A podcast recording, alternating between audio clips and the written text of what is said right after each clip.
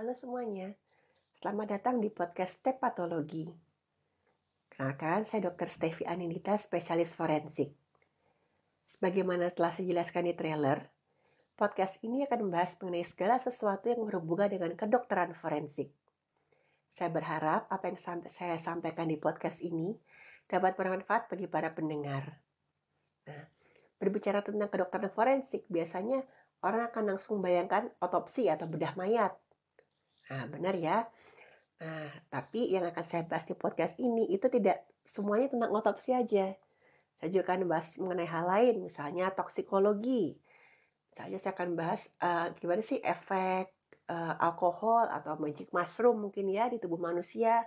Cara kerjanya gimana, efeknya apa saja. Oke. Saya juga akan bahas mengenai pemeriksaan korban hidup, misalnya kasus KDRT penganiayaan atau tidak pidana khusus kekerasan pada anak.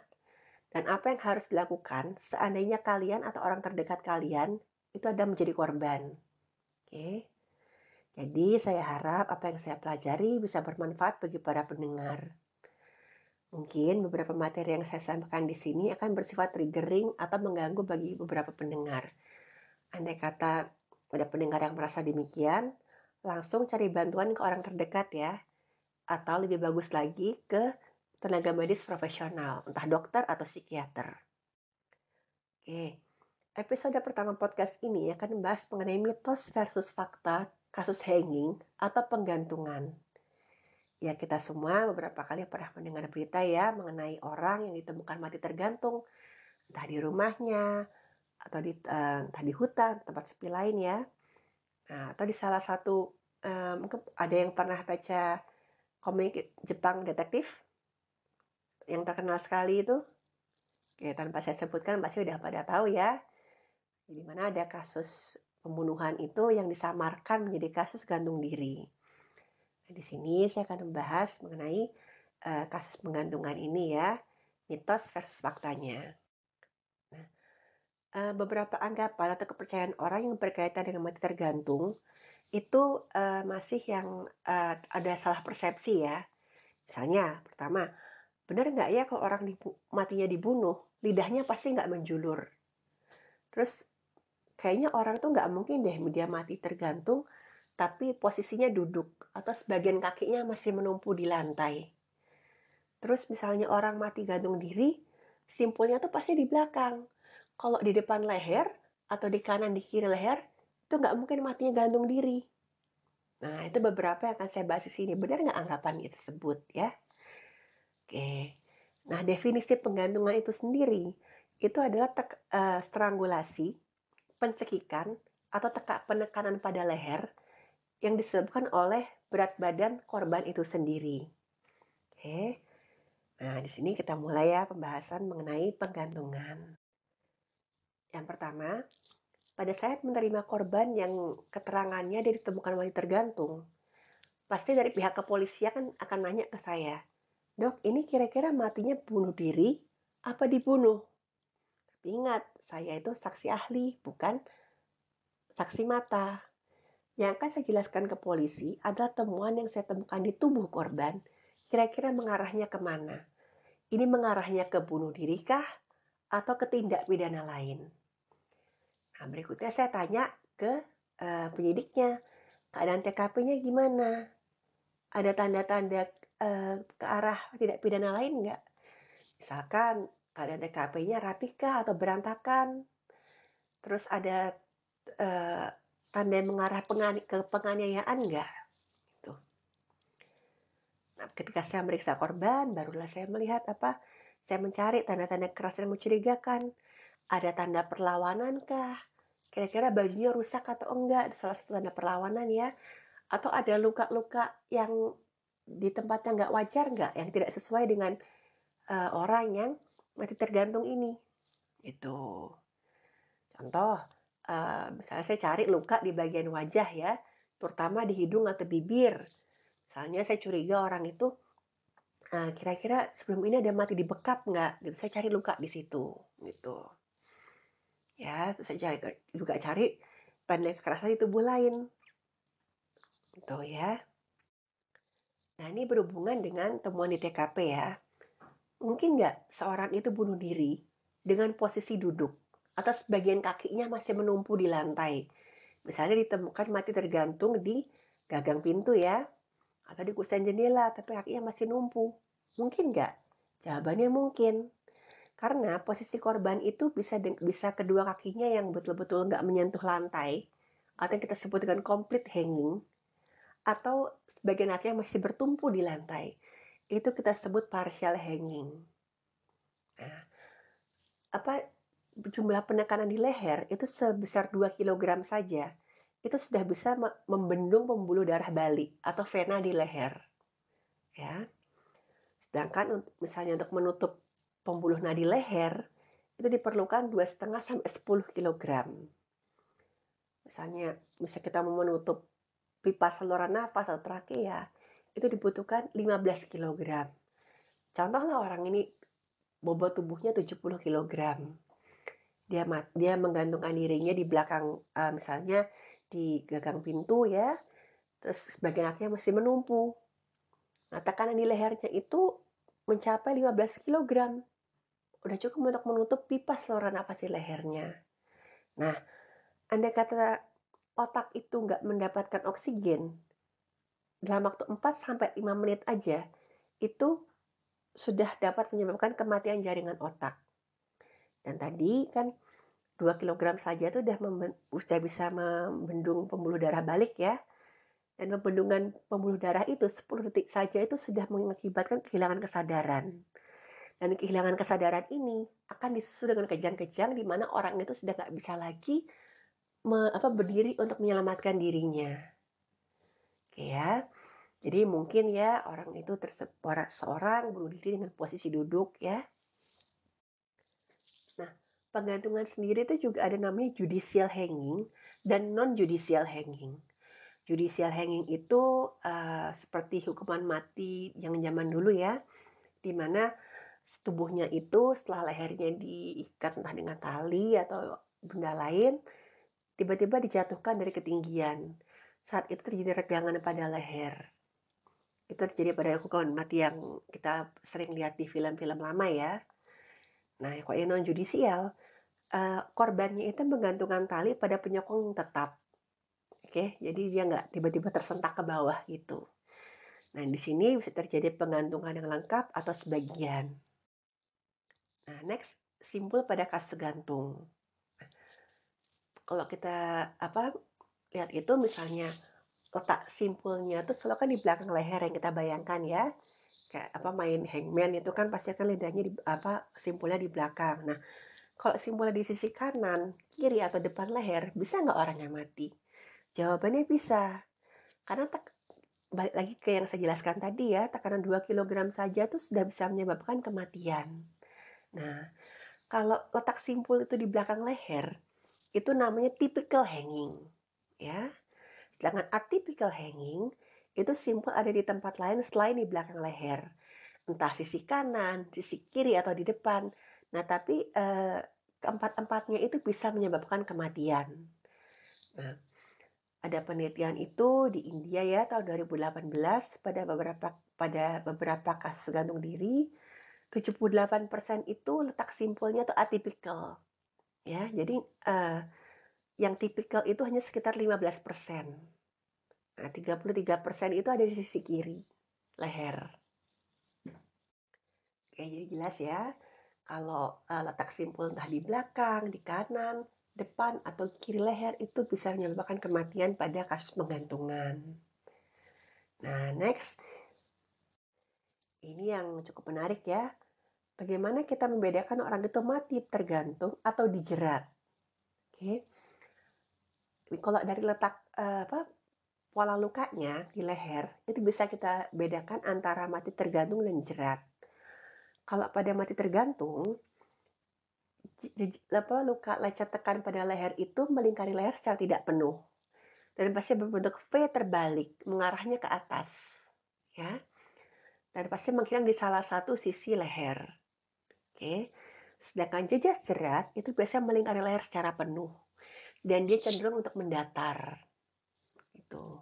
Nah ini jejas jerat pada leher ini biasa mengarah ke tindak pidana pembunuhan. Ini dilakukan penelitian terhadap 2.981 kasus pada tahun 2018 di India. Jadi seluruh kasus pembunuhan itu pasti jejak yang ditemukan di leher itu sesuai dengan kasus jerat. Sedangkan kasus bunuh diri itu sesuai dengan kasus gantung. Ya. Jadi jejasnya itu pada kasus bunuh diri yang di India tadi dia, sesuai dengan uh, pola luka kasus gantung tadi yang seperti yang sudah saya jelaskan. Nah berikut ini yang juga sering kalian dengar ya. Benar nggak kalau orang matinya dibunuh, lidahnya tidak menjulur? Terus misalnya dia matinya gantung diri, lidahnya pasti menjulur. Enggak ya. Lidah menjulur atau atau tidak itu tergantung dari posisi jeratan pada lehernya tadi. Nah, kalau posisi jeratan pada leher itu di atas tulang rawan gondok, ya, di leher kita tuh namanya tulang tiroid atau rawan gondok. Kalau jeratannya itu di atas tulang rawan gondok, dia akan menekan lidah dari uh, bawah leher ini, lidah akan terdorong ke atas dan ke belakang. Lidahnya itu akan menutup saluran nafasnya. Jadi lidahnya nggak akan terjulur.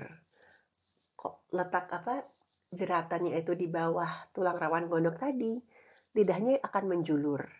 Itu. Kecuali misalnya korban ditemukan dalam posisi sudah dalam kondisi sudah membusuk lanjut ya atau badan sudah bengkak, lidahnya kan pasti akan membengkak. Lidahnya akan menjulur. Itu. Jadi kesimpulannya, lidah terjulur atau tidak menjulur itu tidak ada hubungannya dengan cara kematian.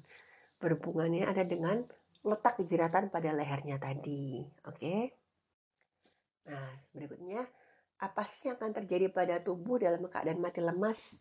Mekanismenya seperti apa gitu. Ya. Yang pertama, misalnya tubuh udah keluarkan oksigen, pasti dia akan mencoba mengkompensasi. Nah, pasti cepat dan dalam ya, dia ngos-ngosan. Nah, pada saat ini tuh lendir di saluran pernafasan itu akan terkocok. Saat terkocok itu terbentuklah busa. Makanya pada beberapa kasus orang yang meninggal dengan mati lemas itu akan keluar busa entah dari mulut atau dari hidungnya. Oke. Nah berikutnya setelah tubuh nggak bisa mengembalikan lagi kadar oksigen di tubuhnya, terangsanglah pusat kejang pada otak. Tubuhnya kejang-kejang. Oke. Terjadi di sini terjadi peningkatan tekanan darah. Ya. Jadi tubuhnya berusaha untuk mencoba buat mengembalikan kadar, mengembalikan kadar oksigen terutama di otak.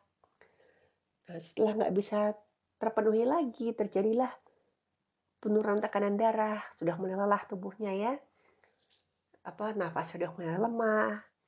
Di sini terjadi relaksasi otot lingkar entah pada anus, entah pada saluran kencing. Nah, makanya uh, andai kata masih ada sisa kotoran di usus atau sisa urin pada kandung kemihnya, itu bisa keluar itu keluar kotoran keluar apa urin nah, pada saat terjadi pembendungan aliran darah itu uh, pada laki-laki uh, maaf terjadi ereksi.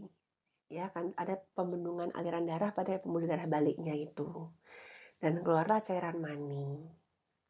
Oke berikutnya yang terjadi adalah fase akhir di mana tubuh sudah gagal mengkompensasi dan akhirnya terjadi kematian. Nah, mungkin beberapa pendengar di sini pernah tahu ya orang yang sengaja mencekik dirinya sendiri atau membuat dirinya dalam kondisi hampir mati lemas. Itu uh, entah berbuat membuat permainan atau maaf ya untuk karena dia merasa dengan begitu bisa memberi rangsangan erotis bagi dirinya sendiri. Tapi salah ya itu ya anggapannya. Seperti yang saya bilang tadi, sperma tuh keluar dan uh, maaf terjadi uh, ereksi tadi.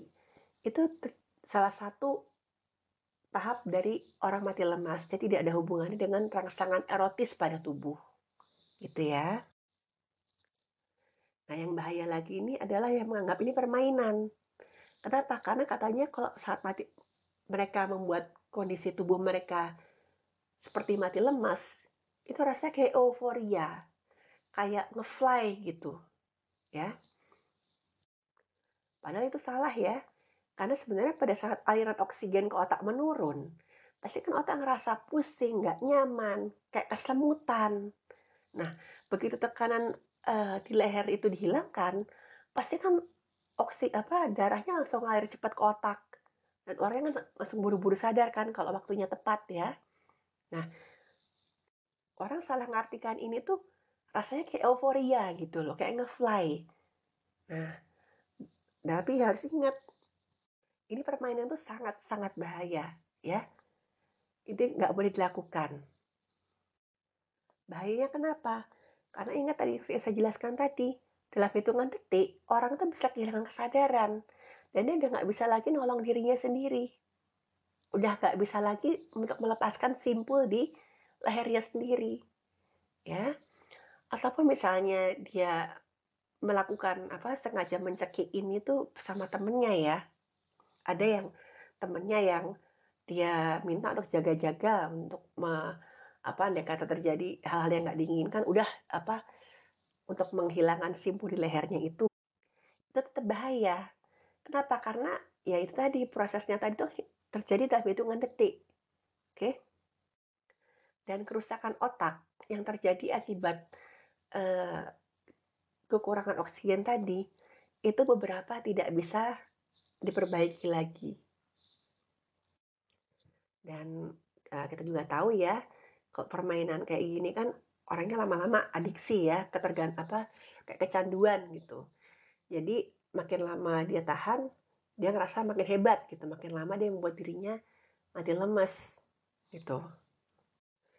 Jadi sekali lagi saya ingatkan, ini sangat bahaya dan tidak boleh dilakukan.